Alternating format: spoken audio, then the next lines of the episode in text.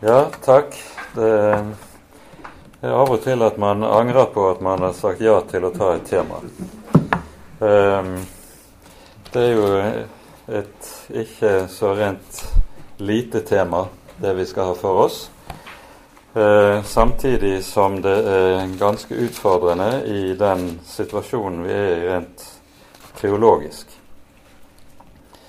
Um, jeg har et antall uh, gammeltestamentlige bibelteologier stående i bokhyllen hjemme. Jeg har bladd igjennom de sånn i hast i forbindelse med forberedelsene her. Det er ikke en eneste av dem som tar opp denne tematikken som uh, vi her skal ha for oss i denne timen. Eh, treenigheten i Det gamle testamentet er altså et ikke-tema i gammeltestamentlig teologi. I hvert fall hvis du ser på gammeltestamentlig teologi av moderne sort. Eh, og Det gjelder også for, uh, temmelig konservative posisjoner innen teologien, sånn som det er vel helst av det merket jeg har bøker i min bokhylle. Um, dette henger for en stor del uh, jo sammen med den situasjonen som har rådet i teologien fra opplysningstiden av. Uh, I det det jo var slik at forut for opplysningen og man fikk fremvoksten av uh, historisk-kritisk forskning, så um, var, så man ikke noe problem med også å finne eh, den treenige Gud åpenbart i Det gamle testamentet. Men med fremveksten av historisk-kritisk forskning, som jeg også ble oppdratt i da jeg studerte teologi, så forsvant dette idet man så på hele treenighetslæren hvis man i det hele tatt antydet at noe sånt fantes i Det gamle testamentet, så betydde det at en leste noe inn i tekstene som ikke var gitt der på forhånd. Denne teologien er jeg altså oppvokst med, eller oppflasket med, i mitt studium, og eh, har måttet eh, streve litt for å legge det bak meg. Uh, og eh, det blir altså en annen inngang til hele tematikken i, rundt dette enn det som eh, var gitt fra den tiden av. I eh, Det nye testamentet hører vi apostelen Peter skrive i sitt første brev, når han taler om den frelse som profetene gransket og ransaket om da de profeterte om, den nåde dere skulle få. Da gransket de hvilken eller hva slags tid Kristi ånd som var i dem, viste frem til når han forutvitnet om Kristi lidelser. Det er altså sånn at det sies uttrykkelig at profetene selv ransaket og gransket hva det var det betød det budskapet som ble dem gitt.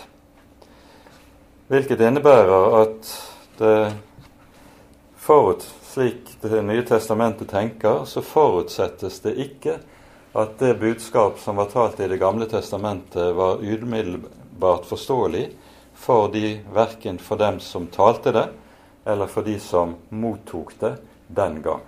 Enten det nå var 500 før Kristus eller 1000 før Kristus. Det er for så vidt av underordnet betydning.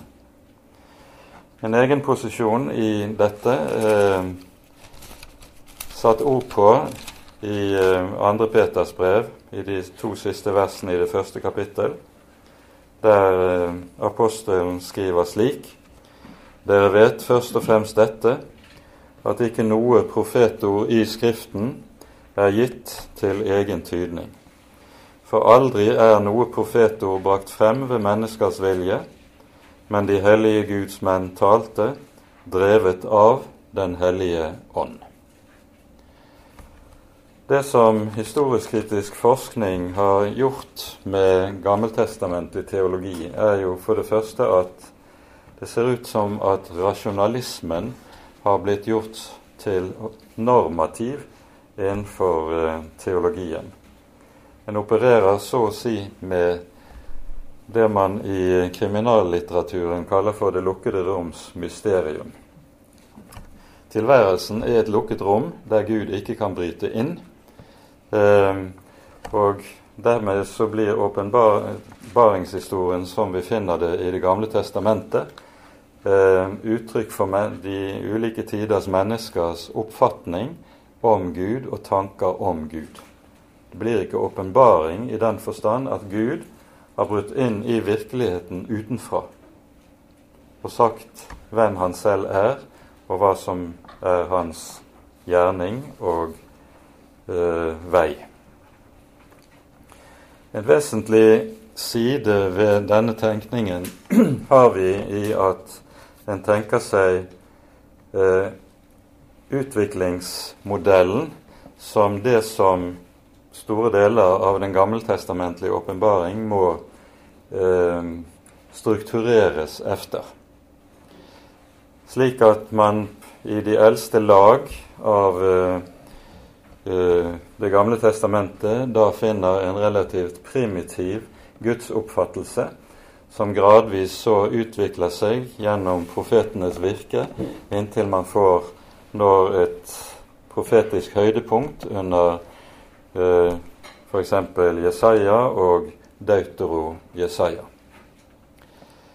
Slik som Det gamle testamentet selv tenker, så er menneskets historie, på, i hvert fall på religionens område, det motsatte. Det er ikke slik at mennesket utvikler seg fra det lavere og primitive mot det mer høye, men det motsatt. Mennesket eier fra begynnelsen den opprinnelige rene gudsåpenbaring og faller etter hvert fra og ned i et dypere og dypere forvillelse som fører mennesket inn i et dypere og dypere mørke. Så tankegangen slik Det gamle testamentet selv legger det frem for oss, er altså det stikk motsatte av utviklingstenkningen. Det er flere andre problemer som kunne pekes på i denne sammenheng. Eh, men den posisjonen som eh, dette medfører, det er jo at man har kommet til å forholde seg til Det gamle testamentets gudsåpenbaring på samme måte som for det første unitarer, for det andre sosinianere, og for det tredje de rabbinske lærde gjør det når det gjelder tenkningen om hvem Gud er. Typisk i denne sammenheng er det vi finner hos Moses Maimonides, som jo var den fremste og største jødiske lærde som levde på 1200-tallet. Han er den som formulerer de 13 trosartikler som regnes som normative innenfor jødedommen. Anima amin, beemonage. Jeg tror med en fullkommen tro. Og så kommer 13 artikler. Og I den andre av disse 13 artiklene står det slik.: Jeg tror med en fullkommen tro at Gud er én. Det er ingen enhet som på noen vis er lik Hans. Han alene er vår Gud. Han var, han er og han skal være. Og Denne trosartikkelen den bygger naturlig nok på ordene vi finner i Israels trosbekjennelse Shema. Hør, Israel, Herren vår Gud, Herren er én. Det som imidlertid er problemet når du leser Maimonides sin formulering av denne monoteisme, det er at han bytter begrepet for én, som du finner i Shema i 5. Mosebok 6,4, ut. Shema Israel, Adonai Eloheinu, Adonai Echad. Ordet for én er Echad. Han bytter ordet echad ut med et annet begrep, nemlig yachid. Og disse to begrepene har helt ulik nyansering. Echad, det betyr egentlig bokstavelig ikke én, men betyr enhet. Skulle du oversette eh, Shema bokstavelig, så skulle det oversettes Hør Israel, Herren vår Gud, Herren er en enhet. En enhet av flere, nemlig. For ordet echad brukes om enheten mellom flere størrelser. F.eks. finner du i eh, Første Mosebok to når mann og kvinne skal forenes i ekteskap og være ett kjød, så brukes ordet echad. Det er to som blir ett.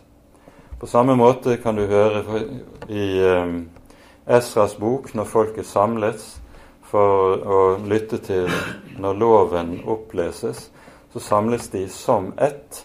De er echad. Det er mange som er ett. Mens begrepet yachid, som Maimonides anvender, det er et begrep som betyr en absolutt singularitet. Det er en udelelig enhet. Og dette ordvalget som Maimonides da faller ned på i, når han formulerer trosbekjennelsen, det er meget bevisst i opposisjon mot den kristne polemikken som rådet den gang. På 1200-tallet var det jo en rekke disputaser som ble arrangert mellom jøder og kristne teologer. En av de mest kjente var i Barcelona i 1263, der eh, kongen av Aragon eh, eh, arrangerte en slik disputas og inviterte de fremste jødiske lærde i samtiden til å forsvare jødis, den jødiske posisjonen, mens en omvendt jøde eh, som hadde tatt navnet Kristiani, skulle stå for den kristne polemikken mot eh, jødene. Den som sto forrest i rekken fra, blant jødene, var eh, Nachmanides, som eh, regnes som eh, etter Moses Maimonides som den største av middelalderens jødiske lærde. Eh, disse disputasene var ordnet på en slik måte at det var et dommerpanel som etter at det hele var avsluttet, skulle avgjøre hvem som hadde vunnet. Og selvfølgelig det gir seg hvem som vant en slik disputas. Det er Noe annet kunne ikke være tilfellet. Men kongen av Aragon var så imponert over Nachmanides at han eh, skjenket ham 300 gulldukater i belønning for hans klare eh, og vederheftige forsvar for egen tro.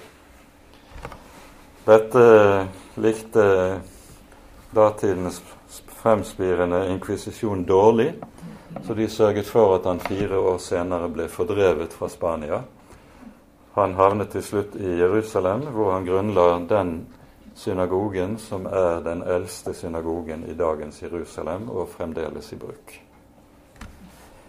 Det er nå et sidespor. Eh, men det som jo var en grunnleggende side av den jødiske forsvaret overfor kristen polemikk, det er det som Maimonides altså setter ord på når han bruker dette ordvalget i, i, i uh, trosbekjennelsen som han gjør. Det som nå er interessant, er at i uh, moderne kristen teologi finner du altså innenfor gammeltestamentlig teologi fint lite spor av arbeid med treenighetsproblematikken. Dette har derimot vokst frem meget rikt og akutt innenfor messiansk jødedom.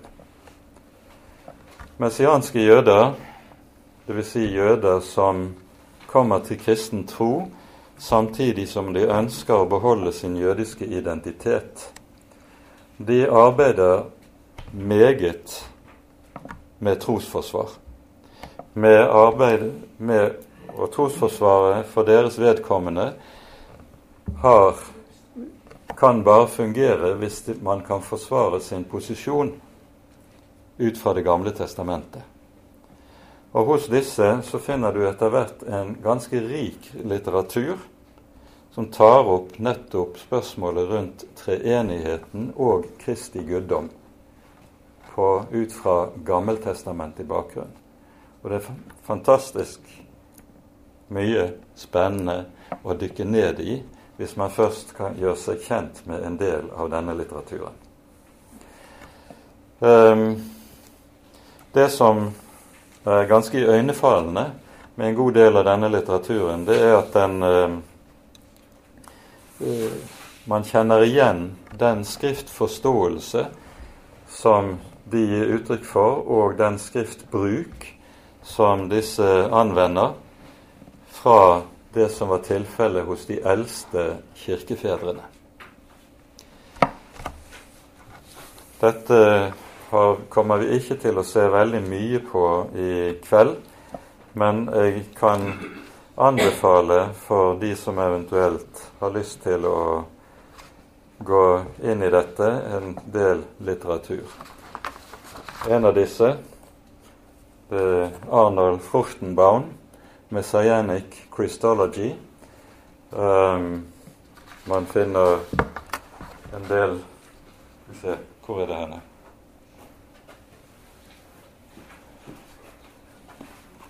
Et ganske omfattende verk fra USA, Joel Nathan, som har skrevet The Jewish Trinity.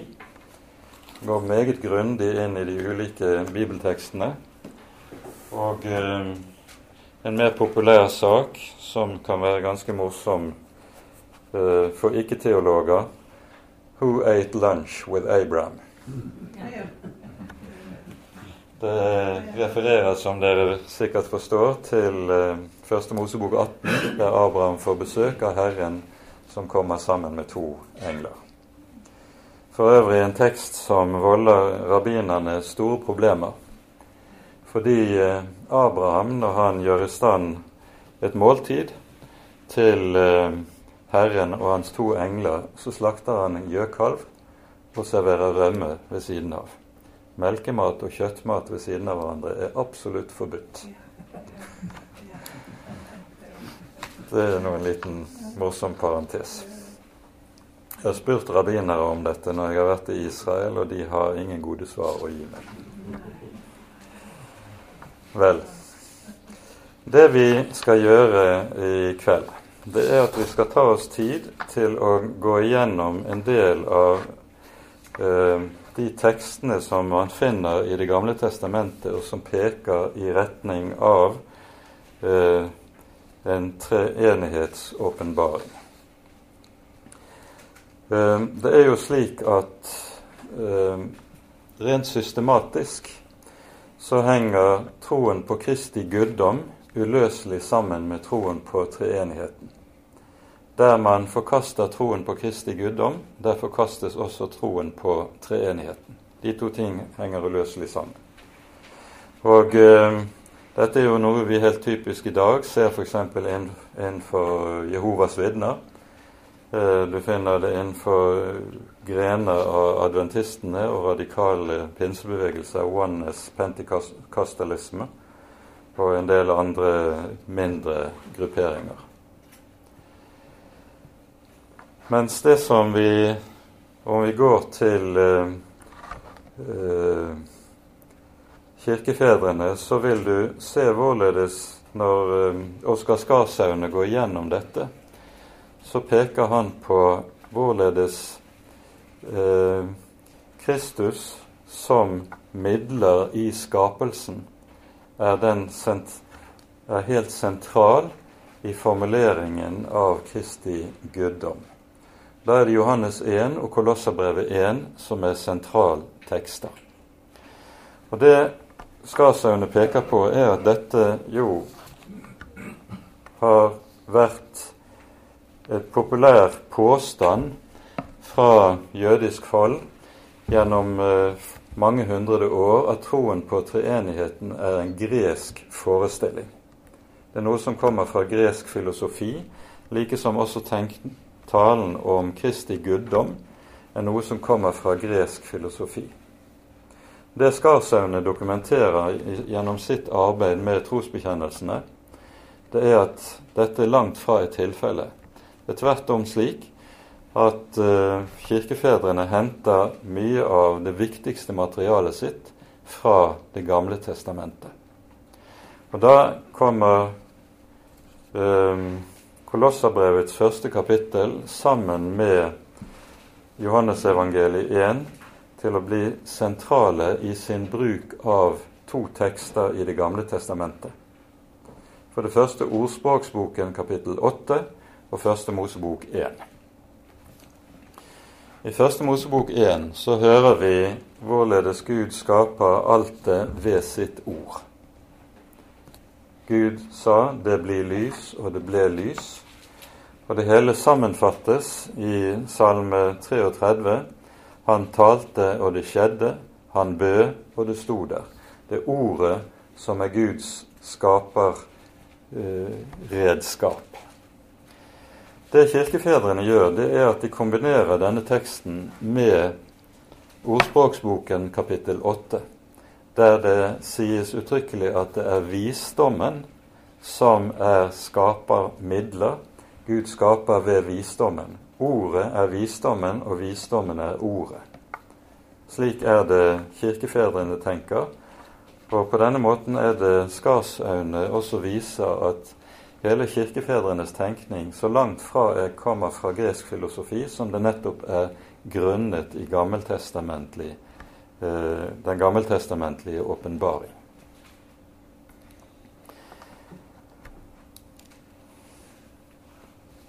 Vi skal altså ta for oss noen tekster fra Det gamle testamentet som eh, taler om disse ting.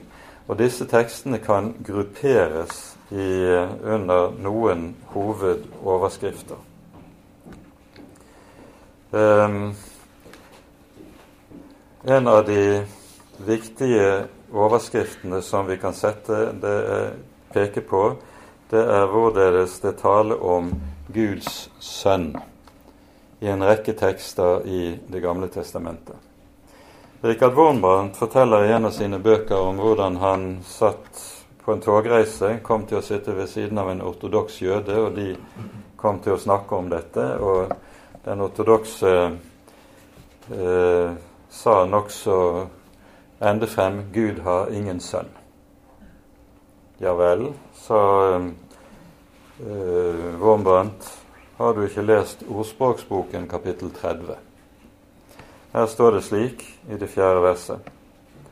Hvem har steget opp til himmelen, og hvem for ned?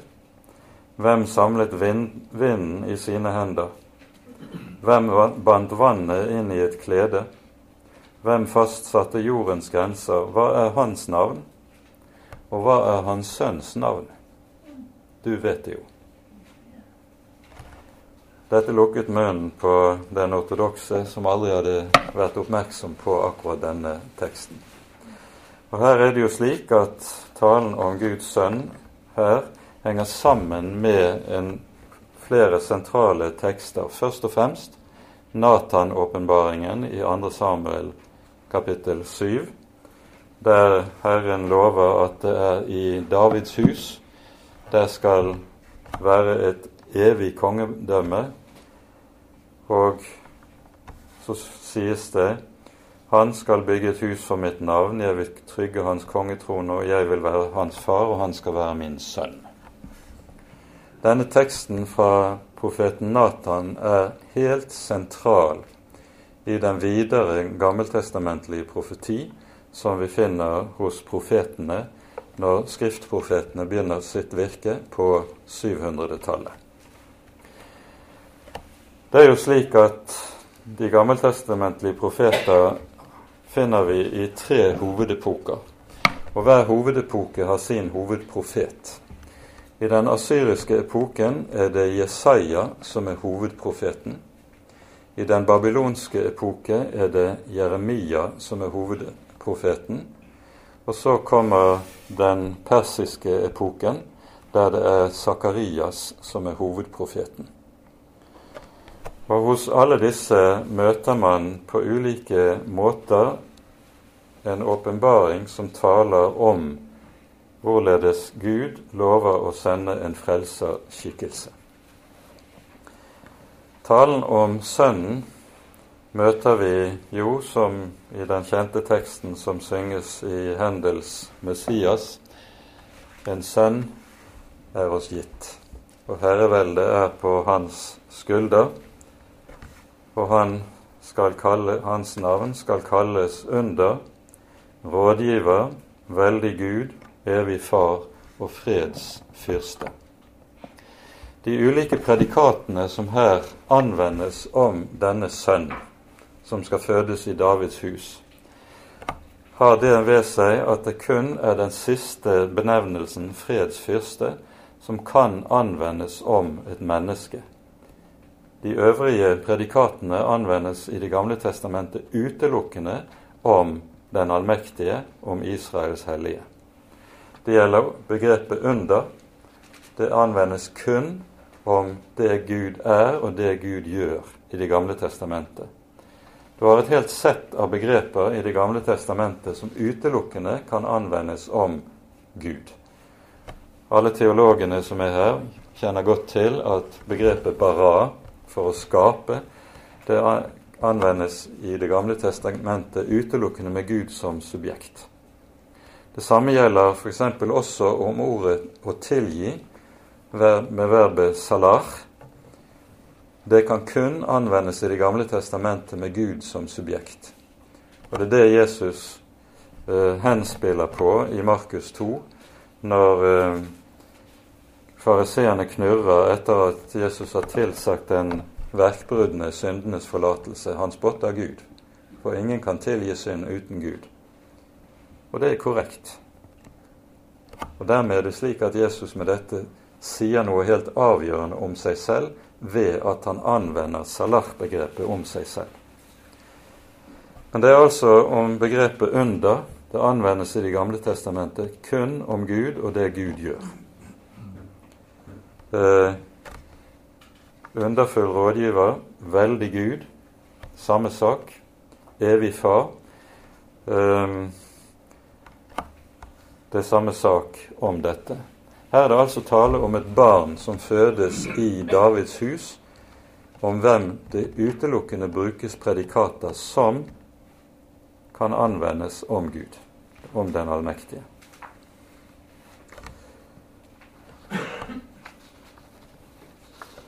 Så finner vi, som en god del av dere sikkert også har puslet med, begrepet 'Herrens engel'. Poenget med begrepet 'Herrens engel', og det er noe vi finner hos eh, de messianske teologene som arbeider med dette, det er at dette er et begrep som vitner om at det er en pluralitet i guddommen. Det er, guddommen er ikke yahid, slik Maimonides formulerer det. Han er echad.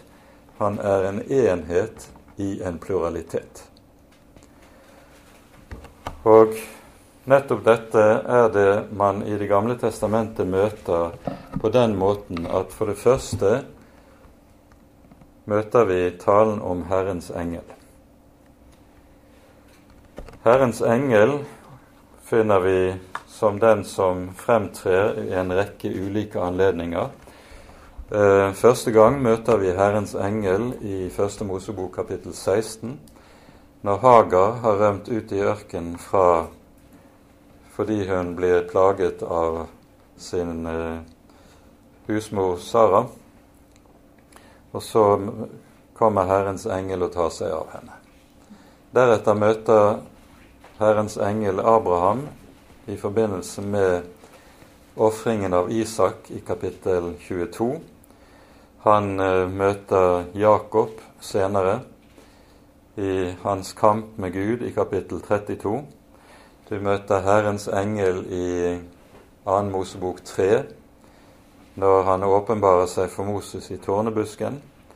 Du møter ham i dommerboken først, som den som kunngjør Eh, Gideons fødsel, senere Samsons fødsel. Men med dommerboken så avsluttes åpenbaringene av Herrens engel i Det gamle testamentet. Vi møter Herrens engel eh, kun to steder etter dette i Det gamle testamentet, og da ikke en som åpenbarer seg på dette vis som vi møter i denne første del av Gamle testamentet, men først i Jesaja 37 Herrens engel går ut og slår Asyrias hær, som har omringet Jerusalem og slår i hjel 180 000 mann. Og Dernest, til sist, hos profeten Sakarias, i de seks første kapitler er det Herrens engel som formidler åpenbaringen av de åtte synene, som er de første, utgjør de seks første kapitlene hos Sakarias. Og Poenget med åpenbaringen av Herrens engel er at han alltid opptrer som forskjellig fra Gud, men samtidig som identisk med Gud. Han er en selvstendig identitet, men samtidig altså forskjellig fra Gud. Med det møter vi to ulike skikkelser som begge benevnes som Adonai, som Herren, i Det gamle testamentet.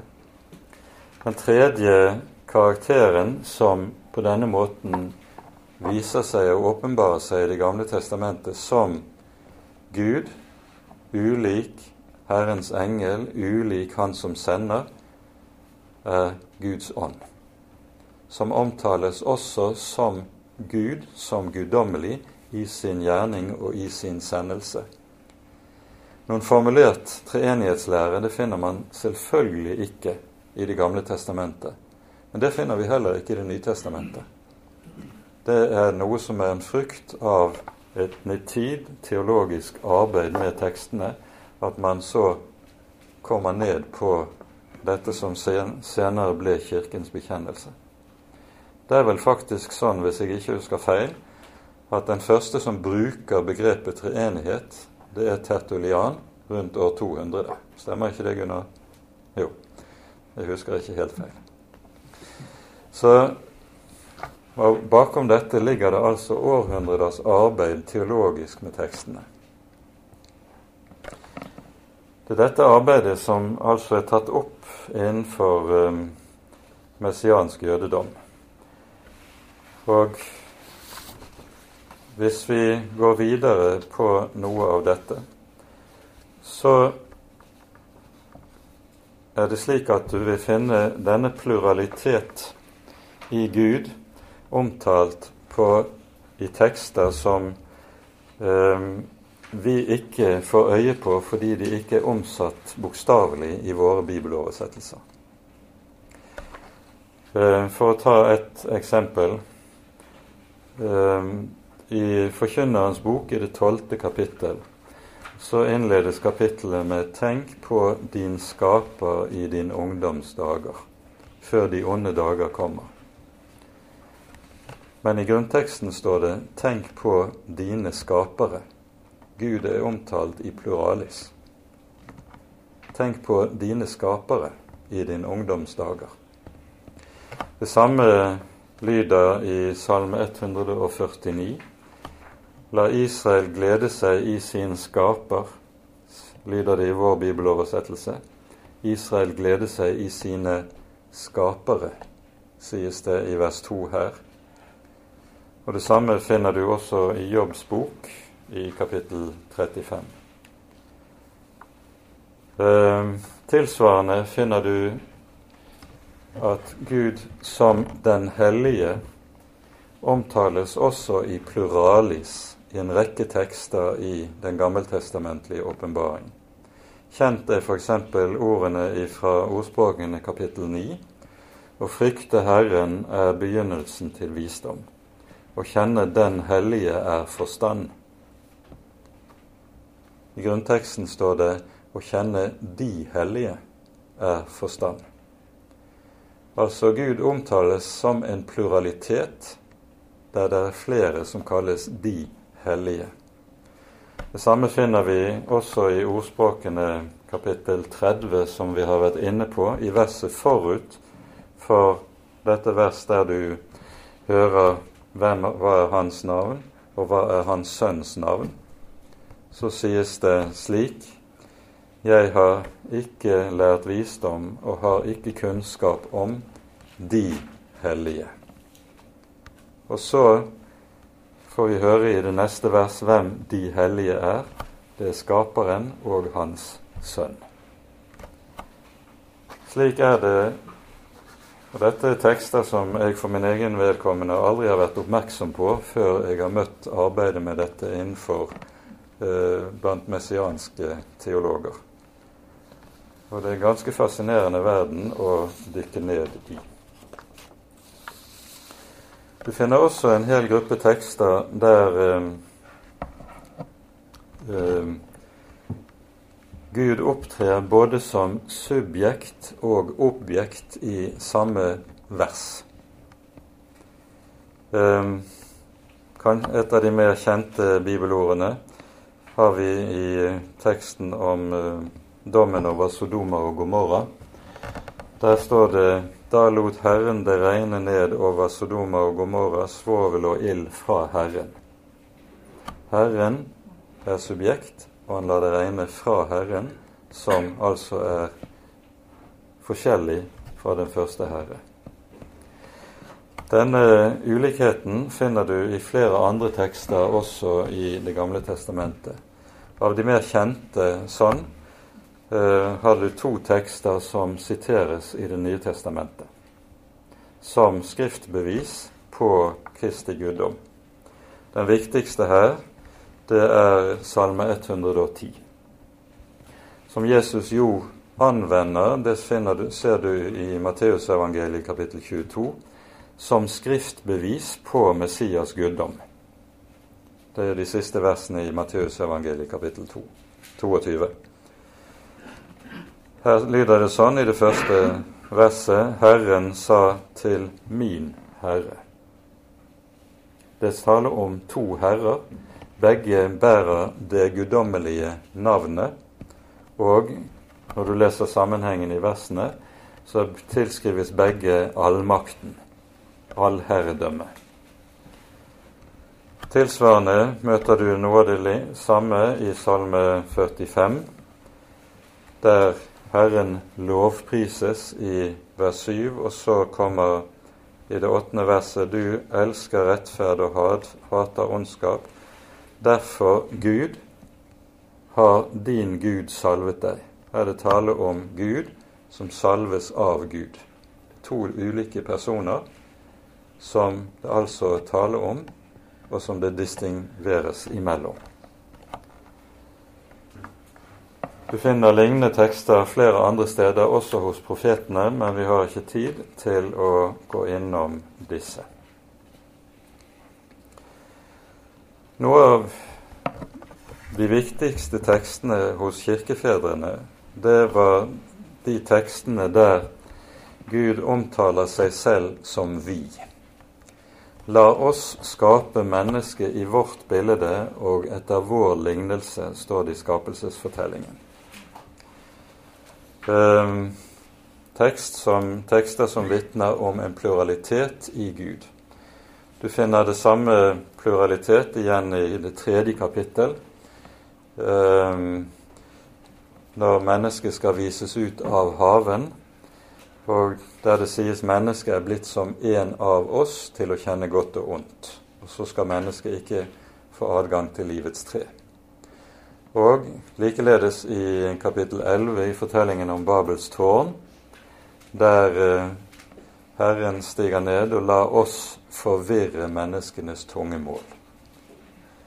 Eh, du har det også hos Jesaja i det sjette kapittel etter den store gudsåpenbaringen som Jesaja opplever i kapittel seks, der Herren sier 'Hvem vil gå for oss?'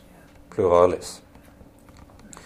Det som har vært den alminnelige forståelsen av dette innen moderne teologi, er at dette er å forstå som Eh, pluralis majestatis. Eh, majestetsflertall. Når kong Harald eh, skriver under, så skriver han jo 'vi Harald Rex. Han omtaler seg selv i flertall. Problemet er at denne måten å tale på fra majesteter, den var ikke eksisterende i bibelsk tid.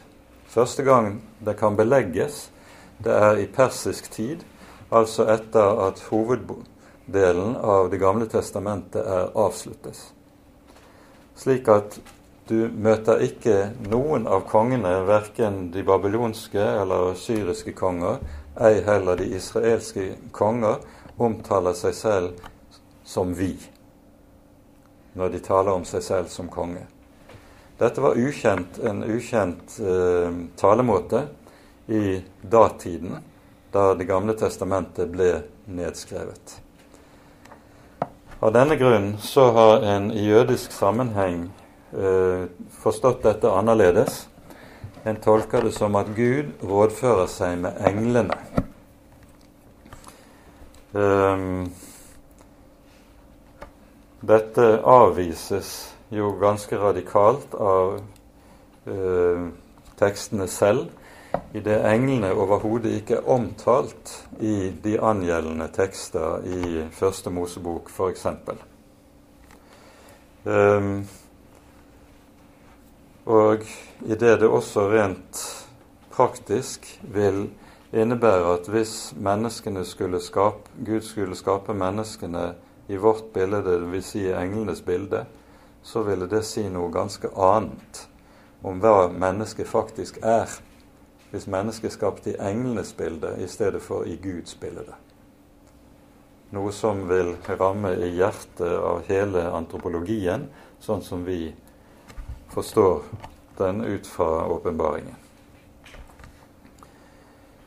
Disse tekstene der Gud omtaler seg selv i, i pluralis, det var i Oldkirken et stadig eh, anker for fastholdelsen av nettopp troen på at Gud i Gud, der møter vi en pluralitet. Denne pluraliteten består av tre personer. Ordet 'person' er jo et uttrykk eller begrep som ikke finnes i hebraisk språk, eller i, bibel, i hvert fall i bibelhebraisken. I moderne hebraisk har man det. Um, i stedet er det slik at man møter to andre begreper for det som vi kaller for person. Det ene er begrepet navn, og det andre er begrepet åsyn. Shem eller panim. Og så hører vi da i den gammeltestamentlige åpenbaring at Blant annet så skal, når sønnen fødes i Davids ett, som skal gjenreise Davids trone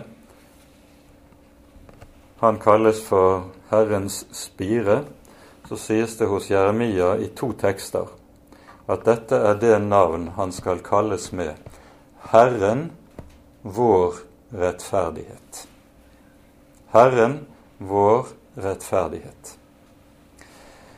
Den finske eh, israelsmisjonæren Risto Santala forteller at han eh, hadde gjennom noen år en eh, studiegruppe gående med jødiske unge menn, studenter, eh, der de gikk igjennom de ulike Messias-profetiene i Det gamle testamentet.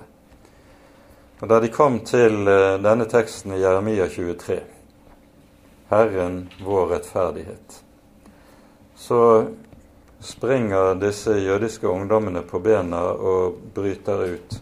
Dere kristne har forfalsket Bibelen. For hvis dette er riktig, da er jo Messias Gud. Santala sier nokså rolig til dem, gå hjem og se i deres egne bibler og hva som står der de så gjør, og kommer tilbake en uke senere og sier det sto i våre bibler òg Messias er Gud. Og så skaper dette en erkjennelse av Kristi Messias guddom som fører dem inn i troens verden, troen på den Herre Jesus.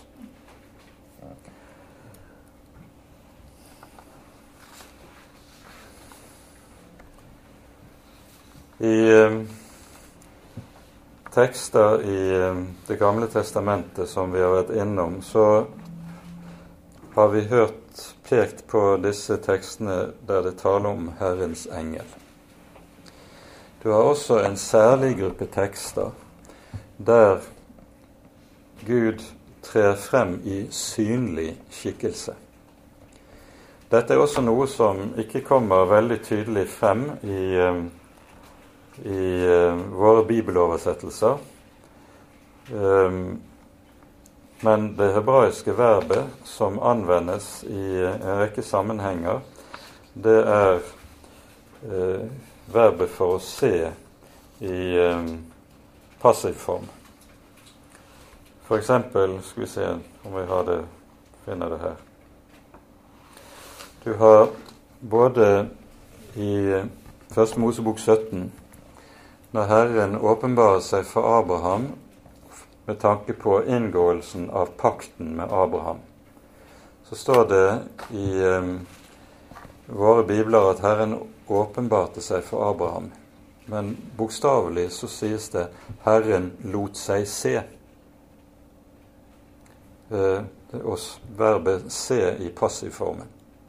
Det samme verbet anvendes i Første Mosebok 18, eh, når Herren kommer vandrende i synlig skikkelse sammen med de to engler og gjester Abraham. Herren lot seg se.